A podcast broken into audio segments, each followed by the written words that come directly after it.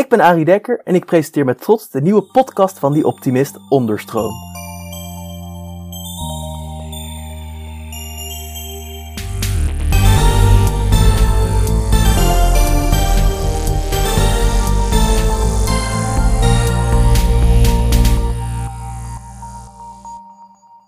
Hallo iedereen! Zoals altijd bieden wij om de week een podium aan mensen en ideeën die meer aandacht verdienen.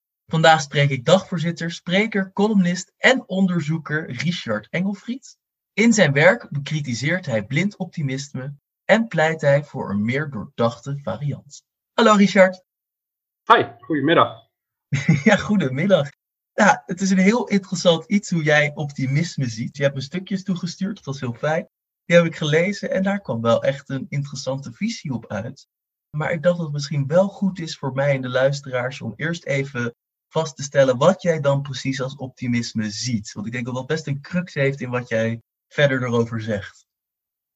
Ja, kijk, optimisme hè, en, en positief denken die worden heel vaak op, op één hoop gegooid. En ik ben een vervent aanhanger van, van wat ik altijd maar noem wetenschappelijk denken. Hè. Je probeert de overtuiging die je hebt ook steeds te toetsen. Van is daar nou bewijs voor? Hè? Is het een geloof? Of, nou, en er zijn een hoop mensen die altijd maar denken dat je altijd moet denken dat het allemaal maar goed moet komen. En hè, dat je overal positief in moet staan en er altijd in moet geloven. En op die manier van denken, daar heb ik veel kritiek op. En op, dat soort optimisme heb ik mijn bedenkingen. Ik snap ook ergens wel wat je bedoelt. Ja, dat is tegenwoordig ook iets dat mensen wel vaker doen met klimaatverandering en dat soort dingen. Dat las ik. Dat ze gewoon op de stand gaan. Het komt wel goed. De overheid fixt het wel. Uh, Shell die gaat wel gewoon zonnepanelen doen. Terwijl ik laat het een beetje de noot die daarbij staat. hey, het gaat niet gebeuren als jij er niks aan doet, weet je wel. Nou, kijk, aan mij gaat het vooral om dat je dus dat soort gedachten, of je ergens optimistisch of, of hè, positief of negatief over bent, dat je dat gewoon baseert op de feiten, hè, eh, op data die we hebben. En er zijn heel veel dingen volgens mij in deze wereld om positief over te zijn. We maken heel veel stappen voorwaarts. Hè. Alleen maar de levensverwachting van nu is natuurlijk veel hoger dan 100 jaar geleden. Dus daar hebben we volgens mij veel reden om optimistisch over te zijn. Maar er zijn ook weer dingen waarvan ik denk, ja, dat weten we niet. Hè. We waren gisteren ook met z'n allen optimistisch dat we het EK zouden winnen. Ja, we hebben nu toch verloren. Ja. En ik weet dus ook niet of dat dan heel erg te maken heeft met of je er al dan niet in geloofde. Hè? Of dat dan heel veel effect heeft. En dat is een beetje waar ik ook tegen ageer. Dat allerlei goeroes en managers natuurlijk constant maar roepen dat je erin moet geloven en positief moet denken en in je kracht moet gaan staan en allemaal van dat soort vreselijke clichés. En daar verzet ik me tegen. En, en nog een stap erger is voor mensen die kanker hebben, hoor je dat ook veel. Hè? Dat je kanker moet gaan uh, aanvechten en dat je erin moet geloven en dat je positief moet blijven. Nou, en daar heeft gelukkig ook, hè, daar ben ik niet de enige, maar bijvoorbeeld Maarten van der Weijden, de zwemmer, natuurlijk ook flink kritiek op gegeven. Zo van dat is een hele harde boodschap voor mensen die kanker hadden en zijn overleden. Want ja, zeg je daarmee ook niet gewoon van ja, jij bent overleden, dan heb je dus blijkbaar te weinig gevochten of dan heb je dus blijkbaar te weinig positief gedacht. Nou, en daarom maak ik me soms zo boos en wind ik me op over dat positieve denken. Ja, want op zich in jouw tekst zei je voor mij zelfs wel tot een hoogte dat je eigenlijk gewoon dus geen voorstander bent van positief denken. Wat misschien Klopt. ergens een beetje ironisch is bij de optimistische podcast van de Optimist. ja, maar daarom triggerde het mij natuurlijk. Hè? Want ik vind het altijd een beetje naïef om optimistisch te zijn. En omgekeerd vind ik het ook niet verstandig om pessimistisch te zijn. Maar ik probeer mensen altijd zoveel mogelijk aan te sporen. Van baseer je nou gewoon op zoveel mogelijk feiten. Probeer je zoveel mogelijk hè, de wetenschappelijke methode aan te leren. Dat je gewoon steeds kijkt van is dit te testen? Klopt dit verhaal of weten we het gewoon niet? En op het gebied van positief denken is het antwoord van ja, werkt dat tegen kanker of werkt dat om succesvoller te worden? Nou ja, daar kun je uh, hooguit van zeggen dat weten we niet. Maar de kans is heel groot dat dat heel weinig invloed heeft. En dat er heel veel hele andere factoren veel meer invloed hebben. Ja, want dit, dit baseer je ook toch? Dat las ik dan ook weer in jouw tekst. Het is natuurlijk, gaat veel uit je tekst worden besproken. Dat komt namelijk voor mij dan dus voornamelijk uit het boek The Secret van uh, Rhonda Byrne. Byrne? Ja. Ja, dus uh, de, uh, een schrijfster die dan dus echt letterlijk zegt: als je maar gewoon optimistisch denkt, dan komt het zelf ook wel optimistisch uit. Als jij een groot huis wilt, moet je gewoon denken: ik krijg dat grote huis. En dan uh, ja, positief trekt positief aan. Dat was eigenlijk een ja. beetje, toch? Ja, dat is, ja. Uh, dat is helaas ook in Nederland, en tot mijn grote stomme verbazing, ook echt onder, onder allerlei hoogopgeleide mensen die academische titels hebben. Die geloven dat allemaal. Dat heet de wet van aantrekkingskracht. En dat is inderdaad, hè, als jij denkt dat, jou, dat jij de staatsloterij gaat winnen, dan ga je hem ook winnen. Ja, en mocht je hem dan toch niet winnen, ja, dan heb je er dus niet hard genoeg aan gedacht. En ik sprak laatst ook een vrouw en die was dat nu aan het toepassen met stoplichten. En die zei ook van ja, ik merk toch wel dat het regelmatig werkt. Dan kom ik met mijn fiets aan en dan ga ik denken aan groen. En het gebeurt toch regelmatig dat hij dan op groen springt. Ja, dan denk ik echt hoe dom kun je zijn. Ik bedoel, stoplichten springen nou eenmaal af en toe op groen en af en toe op rood. Maar om nou de illusie te hebben dat jij daar invloed op hebt. Hè, en dit is natuurlijk onschuldig. Maar wat mevrouw Barnes hè, van het, dat boek The Secret ook heeft gezegd, is dat ook vrouwen die verkracht zijn, dat ook slachtoffers van het tsunami in 2004, hè, dat was de tijd dat het boek verscheen, dat die dat, zich dat dus ook aan zichzelf te denken hebben. En dat is ook altijd waar ik al die positiviteitsgoeroes mee lastig val. Van, jullie vertellen het leuke verhaaltje over mensen die positief denken en succes boeken. Maar jullie vertellen nooit dat andere verhaal. Want dat is natuurlijk wel de keerzijde. Je kan niet allebei zeggen. Hè? Je kan niet zeggen, ja, het, het helpt misschien de goede kant op. Ja, want dan er zit ook een andere kant aan. En als jij zegt dat positief denken helpt, ja, dan zeg je dus ook tegen mensen die niet geslaagd zijn, dat ze dus te weinig positief hebben gedacht. Want dan moet je maar wat meer positief gaan denken. Nou, dat vind ik echt schandalig. En daarom verzet ik me daartegen. En, en daar ben ik overigens ook niet de enige in. Ook daar is heel veel wetenschappelijke literatuur over te vinden. Er is een prachtig boek, vind ik zelf, dat heet Smile or Die, van de Amerikaanse socioloog Barbara Ehrenreich. En als mensen op zoek willen naar wetenschappelijke publicaties en dat soort dingen, dan, dan is dat boek een prachtig startpunt. En daar staan pagina's lang allerlei artikelen waarin alle problemen rondom positief denken worden benoemd. En in ieder geval ook heel duidelijk wordt gemaakt dat er geen degelijk onderzoek is waaruit blijkt dat mensen die positief denken meer succes boeken dan mensen die dat niet doen. Ik vind het ook wel heel grappig om te horen dat dit dus eigenlijk bijna een beetje een soort magisch optimisme is. Een soort van weer bijna een beetje waarom dus ook mensen dan in God zouden geloven. Of nou, kan iedereen, iedereen zijn eigen ding hoor daar niet van. Maar uh, die denken dus ook dat als je maar genoeg zegt, oh God, je bent zo tof. In de Bijbel is het zelfs als echt schapen worden geslacht, dat soort dingen. Dat vindt God dan lekker ruiken. Ja. Tot dat dus magisch opeens de zee voor je splitst. Dat dan magisch dit, magisch dat. Maar ik vind het wel een hele interessante manier hoe jij dat trekt naar dat je dus eigenlijk iemand de schuld geeft van de natuurramp. Terwijl ja, is echt niet alsof iemand zit van, ah. nee, en dat, is natuurlijk een, een, verschrikkelijk verwijt hè, wat je aan mensen maakt. En ook aan, hè, nogmaals, kankerslachtoffers, maar ook slachtoffers van verkrachtingen en zo. Als je daar ook maar, vind ik, in de buurt komt van, hè, dat ligt aan jou. Hè, een variant op, dan had je maar niet dat korte rokje aan moeten doen. Of dan had jij maar niet zulke negatieve gedachten moeten hebben. Ja, ik vind dat echt schandalig. Zolang daar geen hard bewijs voor is, dan ben je mensen allerlei verwijten aan het maken. Terwijl de vraag moet natuurlijk gaan, hoe komt het dat dit soort, bijvoorbeeld in het geval van verkrachtingen, dat dit soort mannen dit soort afschuwelijke dingen nog steeds doen? En hoe kunnen we dat voorkomen? En ook in het geval van kanker is de beste manier volgens mij nog steeds dat we heel veel geld geven aan artsen en onderzoekers om ervoor te zorgen, en dat doen we gelukkig ook, hoe, dat we die ziekte nog beter gaan begrijpen en ervoor gaan zorgen dat er steeds minder mensen aan dood gaan. En volgens mij moeten we daar onze energie aan gaan besteden en niet aan allerlei seminars over positief denken. En dat geldt op eh, de werkvloer volgens mij ook. Dat je wat minder bezig moet zijn met een project van uh, we geloven erin en we gaan allemaal roepen dat we het kunnen als we maar willen en zo. Nee, ga gewoon kijken wat gaat er goed en wat gaat er niet goed. En probeer met elkaar steeds te zoeken naar oplossingen. Ja, dus eigenlijk is wetenschappelijk denken hoeft ook echt niet iets negatiefs te zijn. Maar wat jij dus zegt is, onderbouw het tenminste wel. Ga niet gewoon blind voor, ja, dus bijvoorbeeld een optimisme, maar ook gewoon aan zich. We hebben de wetenschap, de wetenschap brengt ons veel. Waarom gebruiken we dat niet meer? We hoeven niet... Ja. ja gewoon het, het, wetenschappelijk denken, gewoon proberen te kijken van, nou, wel, welke feiten hebben we, welke gegevens hebben waar leidt dat toe? Maar ook weer de andere kant, hè, van, hé, hey, en welke mogelijke denkfouten kunnen we maken? Want soms denk je iets te snappen en dan speelt het toch weer net iets anders. Hè? Dat is het interpreteren van cijfers, dat is ook lastig. Statistiek, noem het allemaal maar op, hè, maar probeer steeds zo dicht mogelijk bij dat soort cijfers te komen. Ik gaf net ook al aan, bijvoorbeeld, nou, de levensverwachting, die stijgt tussen nu en 100 jaar geleden, dat is heel mooi. En tegelijk is het volgens mij ook weer goed dat we bijvoorbeeld zien dat obesitas, dat neemt toe. Nou, dat zou bijvoorbeeld eh, de druk kunnen gaan zetten op onze levensverwachting. Hè? Maar ook daar probeer je gewoon weer te kijken van, nou, wat gaat er goed en wat gaat er minder goed. Mm Ja, gewoon afwegen. Dus ik vind het eigenlijk wel grappig, hè? Zo focus op de wetenschap. Ik moet zeggen dat ik het toevallig een vorige gast had. Andras Laslo, dat is de vorige podcast. Volg je innerlijk kompas. Die was iets dus meer aan de spiritualiteit kant, maar bleef wel heel erg ook sec daarover. Maar die zei juist weer tot hij vond dat de wetenschap juist ook wel weer beperkte op deze manier. Omdat het dus wel ook echt heel erg voor zorgt dat mensen gewoon zeggen, ja, de wetenschap zegt van niet, klaar, of zo. Dat het een beetje een punt achter dingen zetten. Maar dat vind jij dan dus eigenlijk niet.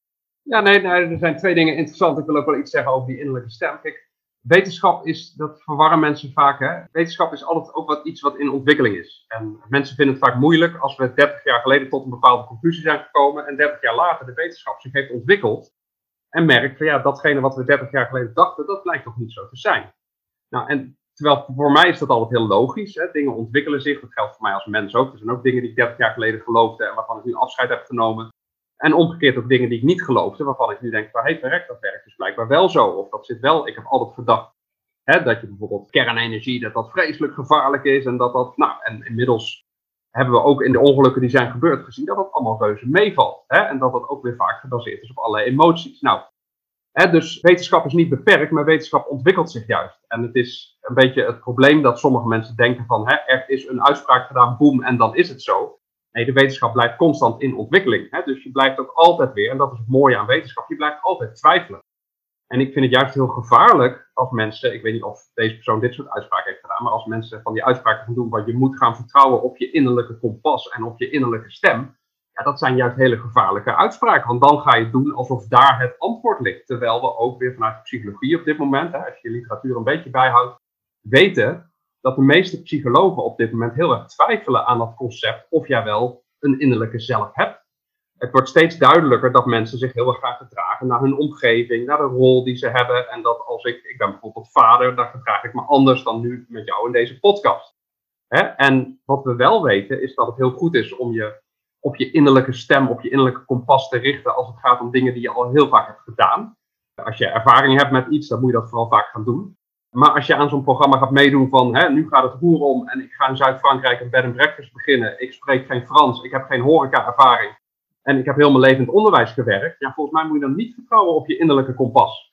Dan is het heel goed dat je nadenkt en dat iemand tegen je zegt van, doe dit niet. Jij hebt geen innerlijke kompas op het gebied van horeca en bed and breakfast en Frankrijk. Stop ermee. Hè? Dus die illusie weer van dat jij ergens innerlijk alle kennis hebt, ja, dat is natuurlijk flauwekul ook een baby, die leren we gewoon taal, die leren we rekenen, die leren we lopen. Dat zit er allemaal niet in. Hè? Dat wordt hem gewoon van buiten aangereikt. Dus ook dat vind ik altijd een heel raar idee en een heel onwetenschappelijk idee.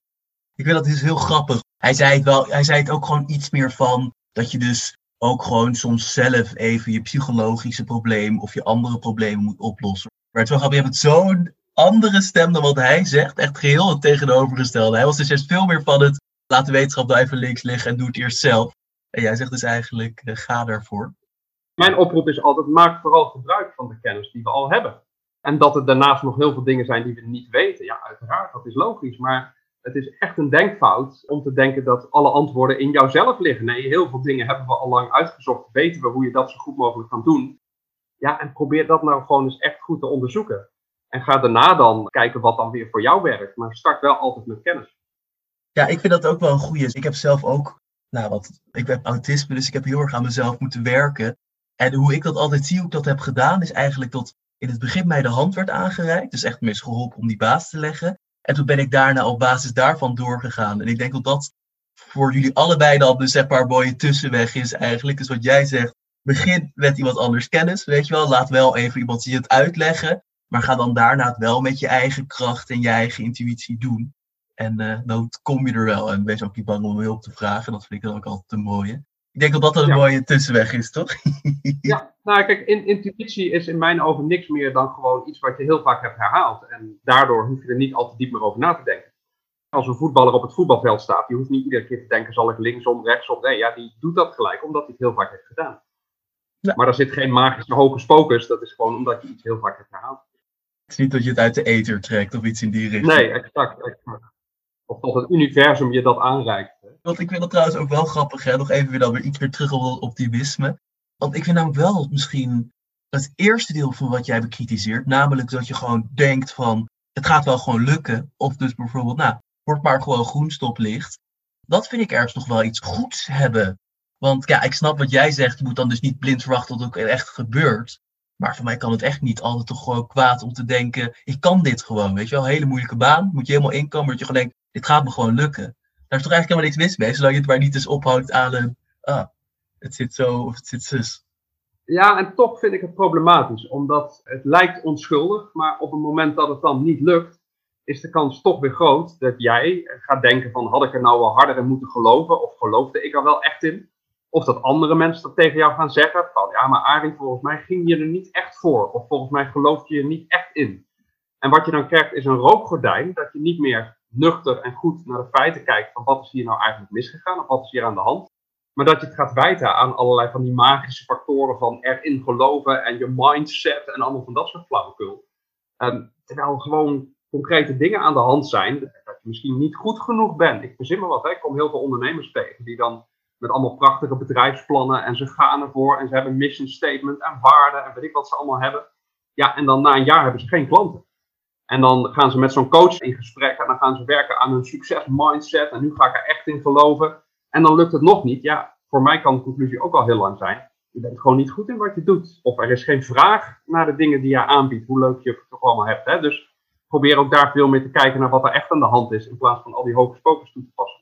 Ja, dus weer dat, dat je zeg maar dus eigenlijk een beetje weer die mixvorm van het is goed om wel te denken van het gaat lukken, maar wees wel realistisch genoeg om te zien dat als jij, nou, noem iets, lama's wil gaan verkopen aan Nederlandse huishoudens, iets heel raars, iets dat niemand wil. Ja. Dat dat dan misschien, ja, dan kan je echt denken van, ah, ik wil dit het gaat lukken, het is bedroog. Maar ja, misschien op dan even wat realisme. Ja, ja, jij zegt net van, hè, het is best goed om te denken, ik ga ervoor of zo. Maar mijn oproep zou zijn, uh, dat soort gedachten mogen voor mij gewoon helemaal weg. Volgens mij moet je helemaal niet bezig zijn met we gaan ervoor of ik geloof erin. Volgens mij moet je alleen maar bezig zijn, wat zou ik in deze situatie nu het beste kunnen doen? Ik moet vanavond bijvoorbeeld een webinar leiden. Nou, dat heb ik al vaak gedaan, maar dan ga ik gewoon doen wat ik altijd doe in mijn voorbereiding en goed nadenken. Oh, dan gaat dit gebeuren en als er dat gebeurt. Hè. Dus ik ga gewoon bezig met mijn taak. En volgens mij moet ik me daarop richten en daar mijn energie aan gaan besteden. En niet aan gaan besteden dat ik nog vijf minuten mezelf ga oppompen van tjaka, Richard, je kan het. Volgens mij is dat verspilde energie. Ja, precies. Nee, ja, dus gewoon, je, je zorgt er gewoon voor dat je het zeker weet. In plaats van dat je jezelf gaat aanpraten dat je het zeker weet. Je haalt gewoon, je bekijkt gewoon wat gaat werken in plaats van ik denk dat dit gaat werken. Dat is op zich een hele nuchtere manier. Ja, en, en dat zorgt ook voor dat ook als dingen niet goed gaan, dat je gewoon kan kijken naar de echte oorzaken. En, en niet naar van dat, ja, van die dingen van ja, ik geloof er niet echt in. Of uh, hè, de Saturnus stond niet helemaal in lijn met Uranus, weet ik veel. Ja, hè, dat was volle maan, allemaal van dat soort toestanden. Dat denk ik, ja, daar, daar schieten we niks mee op. Ik denk ook wel dat het heel mooi gezegd is. En dan vind ik het toch wel een interessante vraag, want je hebt nog veel meer andere dingen te zeggen, namelijk ook overal democratie en de individualistische samenleving, die heel goed passen binnen jouw beeld van, nou, gewoon hoe jij het ziet. Dus iets meer op de wetenschap, iets minder op, nou, gewoon wat je denkt, wat je voelt, wat je hoort. Gewoon echt even zelf erin verdiepen. Of dus anderen, in ieder geval wetenschapper in zich laten verdiepen. Uh, maar wat zou jij dan dus echt nu zeggen? Dit is hoe ik, als jij nu gewoon zegt, maar ja, een beetje raar met aantallen, maar dat jij nu helemaal vrij was om in te richten wat optimisme is. Jij kon die echt gewoon zeggen, optimisme is en dan gewoon steekpunten en iedereen moet zich daaraan houden. Hoe zou jij dan optimisme inrichten met dit in het achterhoofd? Ja, ik, ik zou dus zeggen, optimisme is een onzinnig concept wat ons niet verder gaat brengen. Is, is dan dus echt niks te redden aan optimisme volgens jou? Er zal toch wel iets goeds aan zijn, zou ik hopen, als optimist? Ja, nee, ja, weet je, volgens mij is het namelijk, het kan zijn dat je ergens optimistisch, oh, kijk, als wij tien keer Tsjechië hebben verslagen, ja, dan kun je optimistisch zijn. Zo, nou, dan zal het de keer ook wel goed gaan. En als jij al eh, honderd keer een bepaalde klus goed hebt volbracht, dan mag je daar optimistisch over zijn, want de kans dat dat goed gaat. Nou ja. Maar omgekeerd, als je iets nog nooit hebt gedaan, ja, dan is de kans vrij groot dat het mislukt. Maar uh, volgens mij storen dat soort gedachten juist in de uitvoering van wat is nou het allerbeste wat we hier kunnen gaan doen. Want ja, we kunnen allemaal, hè, dat was met corona ook, we kunnen er allemaal in gaan geloven dat het weggaat. Ja, volgens mij eh, komen we er op een gegeven moment toch achter dat die vaccins het meeste gaan doen. En in de tussentijd afstand houden en, en al dat soort maatregelen. Daar hebben we allemaal uitgebreid onderzoek naar gedaan. Ja, ja dan kun je dat blijven ontkennen. En je mag ook uh, een vuurtje gaan stoken en je innerlijke soul gaan uh, verdiepen. Maar ja, ik zie daar niet zoveel. Dus dus dat, dat is altijd mijn probleem met optimisme. Zo van, ja, wat, is het niet een, hè, dat noemden ze vroeger in de 19e eeuw de romantiek. Hè, dat waren allerlei romantische gedachten. En daar hoort volgens mij optimisme ook bij. En, en ik, ik ben meer een kind van de verlichting. Gewoon kijk naar de wetenschap. En ja, dan is die vraag, is optimisme goed of slecht, een beetje irrelevant. Zo ja, volgens mij hebben we er gewoon niet zoveel aan. Dat zeg je ook wel mooi. En ik vind het ook interessant daardoor, dat dus doordat jij veel, nou, dus niet per se droger, maar veel meer gewoon kijkt naar de feiten, kom je dus ook op hele interessante nou, conclusies uit. Want dus bijvoorbeeld democratie, veiligheid en gemeenschapszin zijn natuurlijk op het moment allemaal dingen waar mensen ja, ik lees, ik zie om de week een petitie dat het zo slecht gaat met de democratie. Ik zie dat onze veiligheid, dat we zo ongeveer al aan de klip staan. Dat we allemaal lekker in ons eigen huis niks met elkaar te maken willen hebben. We haten elkaar.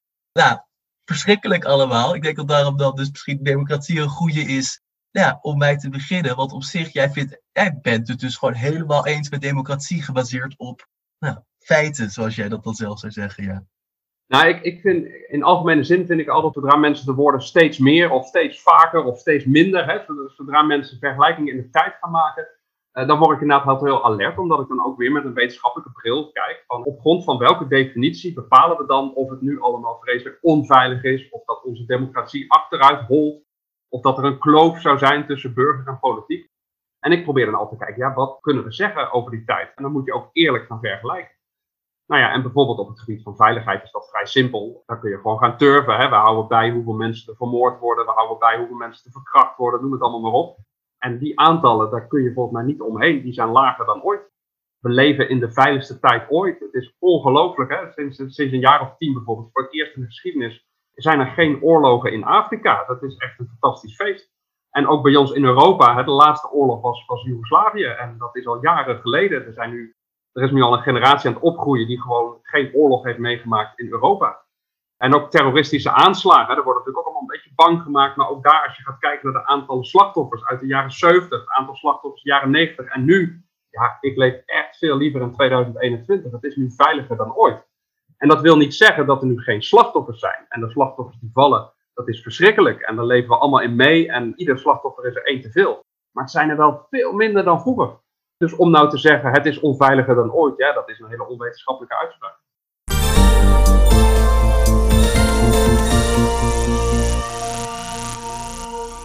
Ja, de feiten lijken het tegenovergestelde te zeggen. Waarom denk jij dan dat wij zo graag nou, het voelt een beetje alsof we onveilig willen zijn. Dat het niet eens meer. Dat je echt wel een beetje een risico wil zien. Ik heb een keer gelezen dat het ook te maken heeft met uit de oertijd nog echt instinct. Dat wij als God zaten. En er was altijd een gevaar. Dus als we dan nu in een veilige samenleving leven, zegt toch nog ergens een dingetje in ons instinct, in ons brein: gevaar, gevaar, gevaar. Maar misschien dat jij daar ook nog wat slims over te zeggen hebt, terwijl we daar zo in zitten. Nou, ik, ik weet niet of ik zo slim ben, maar Sociologen hebben ook een verklaring, die vind ik zelf altijd, altijd wel mooi, hè? dat noemen ze chronocentrisme. Dat zit ook in onze aard, dat wij, en chronocentrisme betekent letterlijk je eigen tijd centraal stellen. En we hebben altijd de neiging om te denken dat de huidige tijd heel speciaal en heel bijzonder is. Dus daar gaan we dan ook altijd argumenten bij bedenken. En daar horen dus ook van die uitspraken van mensen hè, die dan zeggen, ja, veranderingen gaan sneller dan ooit. Hè? Of de samenleving wordt steeds complexer. Hè? Of nou ja, al die andere uitspraken waar we het net over hadden.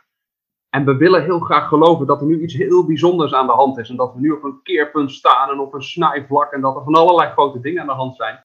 Maar ook nu, ja, je zult zien over een jaar of vijf. Eh, corona was gewoon een, soort oprisping, dat is gebeurd. Dat hebben we honderd jaar geleden ook een keer meegemaakt, dat soort pandemieën. En daar wist eigenlijk ook niemand iets van. En nu dat bij ons gebeurt, gingen we ons er weer in verdiepen. Oh, dat heeft vroeger ook wel eens gespeeld. Ja, dat gebeurt en dat gaat weer voorbij.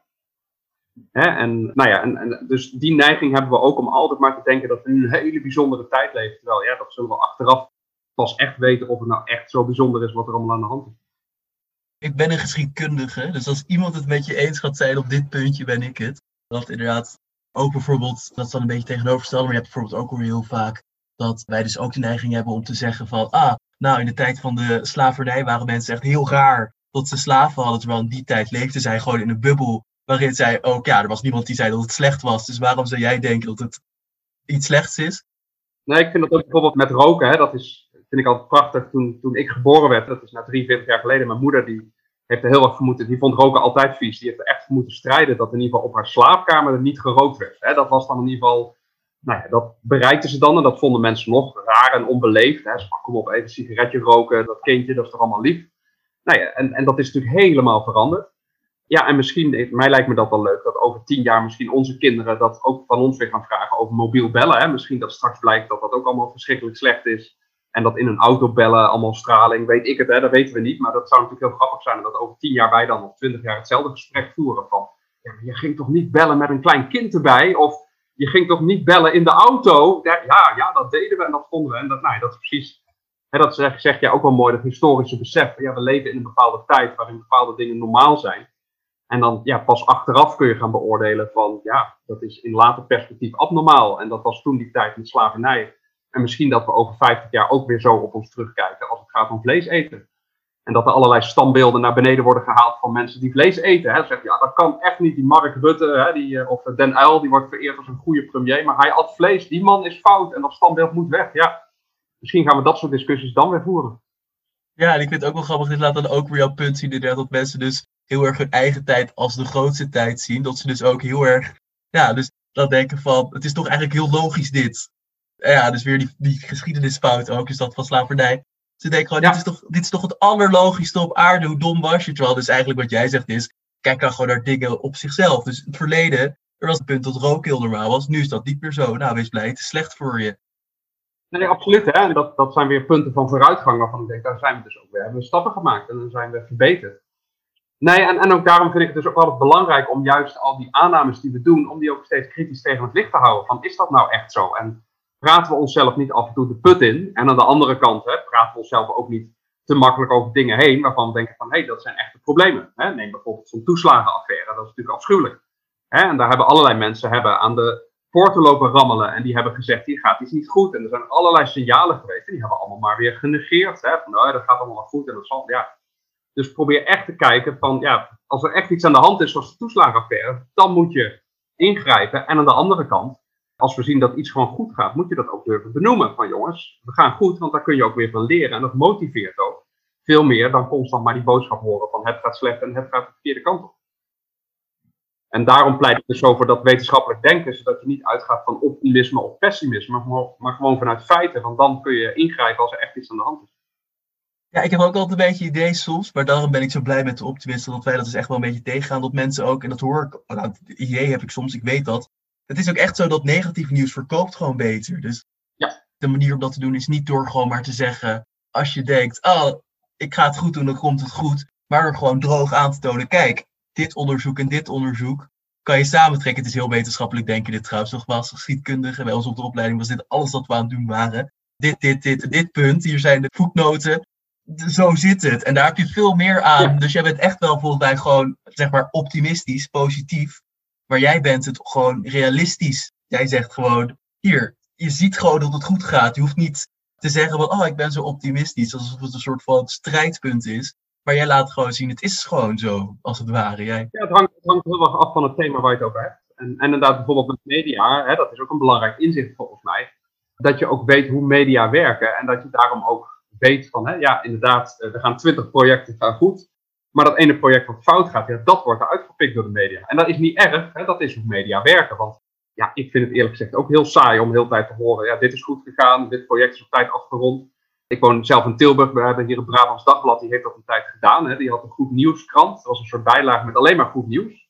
Dus allemaal projecten binnen budget, allemaal wethouders die dingen naar tevredenheid hadden afgerond. Allemaal prachtig nieuws, maar ja, dat was gewoon heel saai. En ja, dat is niet zo boeiend. Maar door daar bewust van te zijn, door dat te weten, weet je ook van als ik dus de krant heb gelezen, heb ik dus niet een realistisch beeld van de wereld. En als ik naar het nieuws heb gekeken of als ik op nu.nl zit, heb ik dus niet een volledig beeld van de werkelijkheid. En als je dat steeds in je achterhoofd weet en er is iets aan de hand, kun je daarna steeds gaan verdiepen van wat is hier dan echt aan de hand? Wat zijn hier de cijfers? Wat zijn echte trends? Hoe zit dit ten opzichte van 20 jaar geleden? Ja, en dan open je zelf heel vaak ook de ogen. Ik denk namelijk ook dat dit een van de redenen is misschien dat nu dus deze beelden zo zijn ontstaan. Dus dat van onveilig en dat de democratie helemaal misgaat. Als jij alleen maar, wij, voor mij, ik heb ook wel eens ergens gelezen dat wij selectief onthouden op negatieve dingen. Dat wij een negatief ding sneller zullen onthouden dan een positief ding. Dat heb je ook met toneel bijvoorbeeld. Een comedy zal eigenlijk bijna nooit de Oscar winnen. Want ja, die tragedie, die nou, iemand gaat dood en iedereen moet huilen, heeft toch meer impact. Het, het blijft gewoon beter hangen. En ik denk dus dat dat ook wel echt dit probleem dan heeft veroorzaakt. En dat vind ik wel mooi dat jij zegt, blijf wel daar kritisch op. Het feit dat een krant helemaal vol staat met de wereld die ontploft. En, uh, en de ene inzakking naar de ander. En iedereen helpt, iedereen is verdrietig. Ja, dat is een deel er maar van. Het is, het is heel selectief geselecteerd. volgens mij is het dus bijvoorbeeld ook. Ik ben om die reden bijvoorbeeld gestopt met het, het kijken van nieuwsapps en dat soort dingen. Ik lees gewoon s ochtends ouderwets de krant. En dan nou, lees je dingen en vervolgens ga je gewoon naar je werk. Je gaat dingen doen en uh, hè, allemaal hartstikke leuk. En als je het leukste op mobiel wil doen, ga je lekker een YouTube-filmpje kijken, weet ik het. En dan s'avonds kijk je misschien om 6 uur of 8 uur, kijk je nog even het journaal. En dan heb je twee keer zo'n lekker negatief shot, maar voor de rest zie je dan ook om je heen altijd van het gaat best goed met de wereld. Hè? Als je gewoon met mensen praat, ja, die hebben ook allemaal gewoon een leuk leven. Mensen worden verliefd, er ontstaan mooie dingen. eh, Mensen, hè? Alleen ja, dat lees je allemaal niet in de krant. Er is zo'n prachtig citaat, ik ben de naam even kwijt, maar van de regisseur van Love Actually, van allemaal van die romantische comedies. En die zei dat ook, hè, als hij weer zo'n romantische comedy uitbracht, dan kwam er altijd kritiek van, hè, dat is romantisch en dat is onrealistisch. Terwijl natuurlijk mensen die verliefd op elkaar worden, dat gebeurt iedere dag wel een miljoen keer. En maakt een een of andere hele obscure regisseur een film over een vrouw die wordt vastgebonden in een huis ergens in een bos en daar diep wordt verkracht en weet ik wat allemaal. Hè, dan is het een realistisch drama over de tekortkomingen van de samenleving. En, en terwijl die situatie zich eigenlijk bijna nooit voordoet, godzijdank. Het gebeurt wel dat vrouwen worden vastgebonden en verkracht, maar het gebeurt gelukkig veel vaker dat mensen verliefd op elkaar worden. Richard Curtis trouwens, van Love Actually. Sorry, die schoot me even te binnen. Filmbeveer. Oh, top, top. Heel goed. Nou ja, van, van die man. En, en ik, ik vond dat dus wel een mooie observatie. En dat is denk ik ook wat jij zegt met die comedies. En dat we dus inderdaad gewoon, ja, normale romantiek, eigenlijk het normale leven, dat vinden we dan onrealistisch. En hè, ja, dat kan allemaal niet. En als het over ellende gaat, ja, dat is interessant en dat is boeiend. En eh, ja, ik zat vorige week op de camping, toen zat ik een man, die zat in zijn hangmat, zat hij een biografie van Mengelen te lezen. Hè? Mengelen, natiearts. En toen dacht ik, nou, lekkere ontspanning is dit, eh, weet je wel. Maar ja, als je dat drie uur zit te lezen, ja, dan denk je wel, er is wat mis met de mensheid. Dat snap ik. Ja, ik vind het gewoon mooi dus om te zien, of is dat vind jij en jij verdiep je erin. Dus ik denk wel dat jij dat best wel met zekerheid kan zeggen. Dat er gelukkig zoveel goeds is tegenover dat slechte. Dat het feit dat dat slechte nou maar wordt benadrukt, dus gelukkig niet maakt dat dat ook echt zo is. En dat is dus eigenlijk, ik vind het ook nog best wel zonde. Dat dus alles zo goed gaat eigenlijk. En ik weet dat, want nogmaals, ik werk bij de Optimist. Als iemand het weet, ben ik het gelukkig. Maar ja, en dat, dat we dan dus eigenlijk er bijna een beetje voor kiezen om, nou ongelukkig is misschien een beetje overdreven, maar dus ook bang, angstig, om elkaar dwars te liggen. Ja, dat is wel stom eigenlijk, toch? Nou ja, maar dat, volgens mij heeft Theo Maas dat ooit eens gezegd, hè, van pessimisme is wel het meest makkelijke, hè, want het kan hooguit meevallen.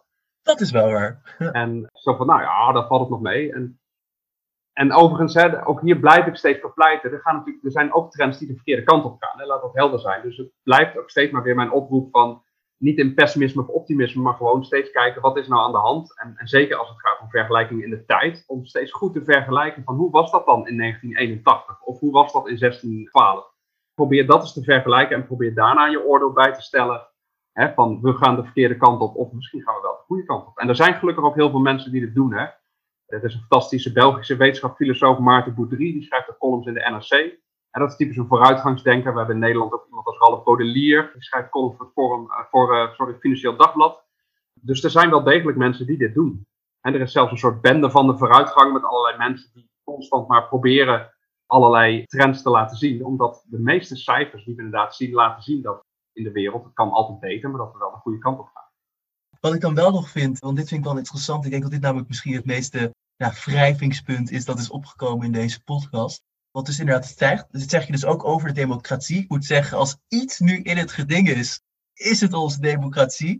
Rutte doet alles fout. De, onze, hoe heet dat, ons parlement stort in. De Tweede Kamer kan nergens over beslissen. Maar jij zei in jouw tekst ook echt van, nou, het is niet instabiel. Het politieke klimaat is niet instabiel. Misschien dat je die dan nog even wat meer kan toelichten voor mij en de luisteraar. Ja, ook dit wordt zo'n clichébeeld, hè, dat onze democratie zwaar onder druk zou zijn. Terwijl, eh, volgens mij is dit juist de tijd dat we met elkaar over die democratie praten. Dat we politie hebben als Pieter Omtzigt, als Renske Leijten, weet je wel. En er ook een breed gedragen consensus is van we willen het anders gaan doen.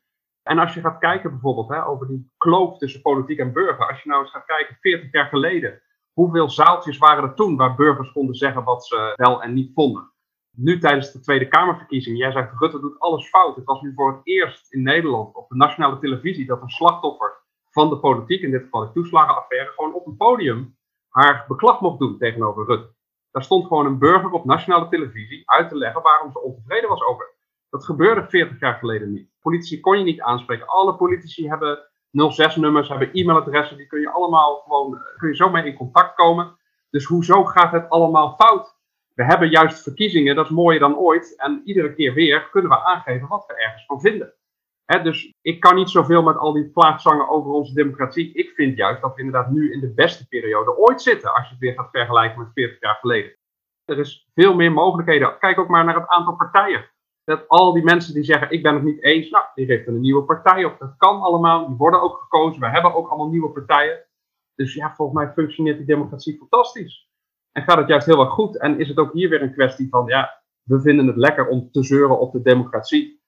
Maar volgens mij is dat gesprek, staat dat nu juist op de agenda, zijn we er met elkaar mee bezig. Ja, en ik ben ook geen fan van Rutte, maar we hebben een democratie, ja, en de meeste mensen hebben wel aangegeven, ga maar door meneer Rutte. Ja, dan heb je dat ook te eerbiedigen. En dan kun je zeggen, de democratie functioneert niet. Nee, de democratie functioneert uitstekend. En heel veel mensen vinden blijkbaar dat Rutte het heel goed heeft gedaan. Ja, ik vind ook wel, het is wederom weer een heel mooi voorbeeld, zoals jij ook al zegt, van dat hele het, ja, je kan het dus zien als de hele democratie ligt op zijn gat en het gaat mis en iedereen weet niet meer wat ze aan het doen zijn. Of je kan het zien als, nou, we hebben weer nog een mooie stap gemaakt, namelijk opeens ja, zeggen mensen dingen. Dat vind ik, dat vind ik inderdaad een hele mooie, ja, weer alternatieve manier om er naar te kijken. Dat je dus niet weer gaat zitten van, oh, de wereld staat in brand, maar dat je denkt, nee, het gaat goed, omdat je dus opeens kan weten dat de wereld in brand staat. Iets in die richting. Ik bedoel, uh, Nee, dat, dat vond ik bijvoorbeeld ook even, dus ook, vanuit de wetenschap hè, hoor je ook vaak van, ja, maar de wetenschap had je bijvoorbeeld Diederik Stapel, hè, dat was de meeste fraudeur en die heeft onderzoeksgegevens vervalst. Maar ik vind het mooi ook dat de wetenschap zelf, hè, dat waren een aantal AIO's, die hebben dat onderzocht en die hebben ook ontdekt dat dat fout ging. Dus dat heeft zichzelf gecorrigeerd. Nou, en dat doen bijvoorbeeld Renske en Pieter Omtzigt nu ook in onze democratie. Die hebben gewezen op een aantal dingen die niet goed gaan en Cenk Willing heeft dat gedaan en gezegd, nou, en dat gaan we nu veranderen dus ook die democratie, dat zie je ook, ja, die is zelf bezig om zichzelf weer te gaan verbeteren. Ja, wat ik namelijk daar ook nog wel over zeggen is dat dus bijvoorbeeld in de Tweede Wereldoorlog werd al het nieuws dat naar buiten werd gebracht, was helemaal door de overheid tot in de nopjes opengezet. Dan meestal dus de Amerikaanse overheid. Ook wat er werd gefilmd was niet de mensen die ergens in een diep gevroren kelder te lijden, maar de mensen die stonden te zingen met z'n allen, de drie man die dat nog op konden brengen. En toen eigenlijk in de Vietnamoorlog is het dus echt gebeurd dat opeens echt werd besloten van ja, nu kon opeens het nieuws er zelf heen, als het ware. Nu was het niet zo dat je per se, ja, je werd wel beschermd nog steeds door de overheid, want je kon niet zomaar gaan berm lopen. Dan werd je nog steeds, denk ik, wel jammer genoeg neergeschoten. Maar je kon opeens wel gewoon meelopen met de Amerikaanse troepen. En dan is weer daar ook, wat, hoe het meeste dat wordt aangehaald is, opeens stortte de Amerikaanse dream in. Alles ging mis in Amerika, want opeens werd laten zien, Vietnam ging niet goed. Maar dan dus wederom als het op jouw manier interpreteren, dus juist, ja, dus opeens gingen we van de overheid legt woorden in ons mond en dat klopt gewoon niet, naar we kunnen gewoon zelf onze mening maken en daar gewoon over beslissen hoe het zit. Toch? En, en, dat is natuurlijk prachtig ook juist. En, en ook daar geldt nu dat alle mogelijkheden die we nu hebben en qua technologie om gehoord te worden, om een podium te hebben, ook die zijn natuurlijk veel beter dan 20 jaar geleden. Dus ook daar is de democratie volgens mij enorme stappen aan het zetten. En daarom is het ook zo belangrijk dat we blijven strijden voor persvrijheid en dat soort dingen. Maar ook daar denk ik, ja, hoezo zou dat nu allemaal achteruit gaan? En ga inderdaad maar eens terug naar de Tweede Wereldoorlog als je het hebt over onderdrukking en repressie en dat soort dingen. Ik, ik ben het niet eens met de kritiek hè, dat NOS fake news zou zijn, maar het mag wel gewoon gezegd worden en dan mogen mensen mogen dat ook roepen. Nou ja, dat is toch, ja, dus, dus hoezo is de democratie dan dood? En Willem Engel heeft gewoon een politieke partij opgericht en die mocht gewoon gekozen worden voor de Tweede Kamer. Alleen ja, die man heeft zichzelf een beetje overschat en, en heeft helemaal niet zoveel volgelingen als hij soms doet geloven. Ja, dus die heeft geen zetel gekregen, maar dan functioneert de democratie toch fantastisch. Ja, het is alleen maar goed. Jij mag met een bord bij gaan staan, jij mag zeggen waar je voor staat en als mensen het daarmee eens zijn, gaan ze op je stemmen. En godzijdank uh, hebben we dat niet gedaan op Willem Engel, maar goed, dat is weer een ander verhaal. Ja, dus eigenlijk alleen maar goed, want dus, waar, tot dus als het anders was gaan, als die dus niet had mee kunnen doen, die Willem Engel, was hij maar blijven doorgaan over oh, iedereen had op mij gestemd, dan was dat eigenlijk bijna een beetje sterker geworden. Als je nu gewoon hem die kans geeft en ziet, zie je, het lukt je helemaal niet. Nou, ook weer bewezen. Punt gemaakt. Dat gaat ook over al die coronamaatregelen. Die zijn allemaal, hè, de eerste lockdown niet, waar, waar hebben ook allerlei staatsrechtsgeleerden voor gewaarschuwd. Want hè, een persconferentie is geen manier om een wet er doorheen te krijgen. Maar in de tweede lockdown hebben we gewoon keurig ons democratisch proces over de avondklok, over die mondkapjes, daar is allemaal over gedebatteerd door onze volksvertegenwoordigers. En daar kun je het mee oneens zijn, maar ja, dat is wel hoe de democratie werkt. Dus ook daar denk ik, ja, daar kun je allemaal over klagen. Maar je kan ook zeggen, ja, de meerderheid van de mensen vond dat blijkbaar zo. Er zijn verkiezingen geweest. En toen zag je ook dat de regeringspartijen min of meer herkozen zijn. Daar zijn geen grote veranderingen gebeurd. Ja, dus we zijn het er blijkbaar gewoon mee eens, ja. We zijn het er in grote deel zijn we het ermee eens. En dat is gewoon heel mooi om te zien van, ja, zo functioneert onze democratie. En volgens mij gaat dat nogmaals veel beter dan dat dat 40 jaar terug ging. Want toen was het nog veel gebruikelijker dat als je katholiek was, moest je op de KVP stemmen. Hè? Een voorloper van het CDA. En als je socialist was, moest je op de PvdA stemmen. En nu is dat ook veel gebruikelijker om gewoon te kunnen wisselen. En te kunnen zeggen van nou, ik stem vorige keer GroenLinks, ik stem nu op D66 of, iets anders. Hè? Ook dat is natuurlijk enorm verbeterd, dat je veel meer zelf mag kiezen waar je voor staat. Ja, helemaal mee eens. Nee, ik vind dat ook nog mooi. Ik denk dat dat misschien dan een mooie afsluiter is. Dat vind ik namelijk heel interessant bij het populisme, dus bij extreem rechts. Dat dus echt wordt gezegd van, en ik ben het echt niet eens met die dingen, maar dat wat dus nu echt een beetje het idee is, dat we maar allemaal gewoon gaan roepen, haha, dombo, en gewoon gaan wijzen en dan maar hopen dat het weggaat. Terwijl ik daar dan al, het eerste is wat ik daar denk is, nou, er zal dus blijkbaar een grote meerderheid zijn. Ik bedoel, bij de voor, niet bij de laatste verkiezing, maar die daarvoor, won bijna, zeg maar, populistische partij, zeg maar, het is net goed gegaan. Maar dat was, nou, toch nog een beetje iffy-iffy. Dus blijkbaar is er wel gewoon een heel groot deel van de samenleving dat hier, nou, met de problemen die zij opbrengen, wat wel echt eens is, dit is een probleem. En dan vind ik het zo interessant dat dan onze reactie is van wegduwen, weet je wel. Zeggen, jullie zijn dom. Zo, nou, het is wel een democratie en wij kiezen ervoor om in een democratie te zitten. Maar als dus dan mensen iets zeggen dat niet 100% aansluit terwijl het de slimme, de bovenklasse vindt, dan zijn we meteen allemaal heel boos op hun en zijn we van ophoepelen. En dan, ja, dat vind ik een beetje ook hierbij passen van misschien moeten we dan toch eens proberen te luisteren naar die mensen en een tussenweg te vinden. Want ja, hoe meer je het wegdrukt, hoe meer het een Willem Engel wordt die kan gillen. Kijk, ik was sowieso premier geworden als ik uh, had meegedaan. Ja. En, en ook dat hoort ook gewoon bij het wetenschappelijk denken. Hè? Dat je gewoon ieder mogelijk debat met elkaar durft te voeren in alle openheid. En dat je geen mensen gaat cancelen en gaat zeggen van daar ga ik niet meer het gesprek mee. Nee, je gaat juist open dat gesprek uit. Alleen de enige kritiek terug is natuurlijk, dat is altijd een beetje de rare uh, paradox, dat mensen als Thierry Baudet en Wilders zelf natuurlijk heel vaak allerlei mensen zelf willen cancelen en naar de rechter lopen als ze vinden dat hè, er iemand tegen hun uh, aan zit te schoppen. Nou, altijd denk ja, dan moet je zelf ook, hè, als je uitdeelt, moet je kunnen incasseren. En dan moet je ook, als je zelf een stevig ingaat, moet je ook kunnen verwachten dat mensen er ook stevig tegen jou ingaan. Dan moet je dan ook tegen kunnen. Maar ik ben het helemaal met je eens, laten we dat gesprek en dat debat vooral met elkaar voeren. En daar ook niet bang voor zijn. En dat is typisch ook waar de wetenschap over gaat. Zo van, het gaat ook niet om mensen, het gaat ook niet om kwetsen. Maar het gaat om ideeën en de uitwisseling daarvan. En gewoon, we leggen een stelling neer en dan kijken we wat zijn de voor's en de tegens. Wat is de kennis die we hebben. En dan trek je op enig moment een conclusie. Maar nog altijd in de wetenschap dat dat mogelijk met nieuwe kennis over vijf of tien jaar weer anders kan zijn. dus het gaat om ontwikkeling en vooruitgang. Ja, helemaal mee eens. Nou, ik denk dat dit een hele mooie afsluiting is. We hebben ook echt heel veel besproken. Ik vond het heel leuk. En ook weer echt ja. allemaal dingen geleerd over een onderwerp. Nou, ja, waar ik toch altijd wel van zou denken dat ik er dan familiair in ben. En dan komt er dus weer iemand die vertelt, nou, het zit eigenlijk zo. Ik vind het heel mooi om ja, niet blind voor optimisme te gaan. Dus echt heel erg bedankt. En uh, ja, ah, top. ik hou je columns in de gaten. Ik zal ook een link doen naar jouw columns, zodat mensen ook ja, voor hunzelf het kunnen lezen en uitvinden. Nou, top. Dankjewel, Arie. Nou, erg grappig dat zelfs ik nog iets over optimisme kan leren. Vanuit welke hoek bekijk jij optimisme? Laat ons weten via redactie.optimist.nl of via de reacties onder ons websitebericht. Wie weet zetten we je dan in het zonnetje in ons luisteraarsegment Luisteraar in beeld.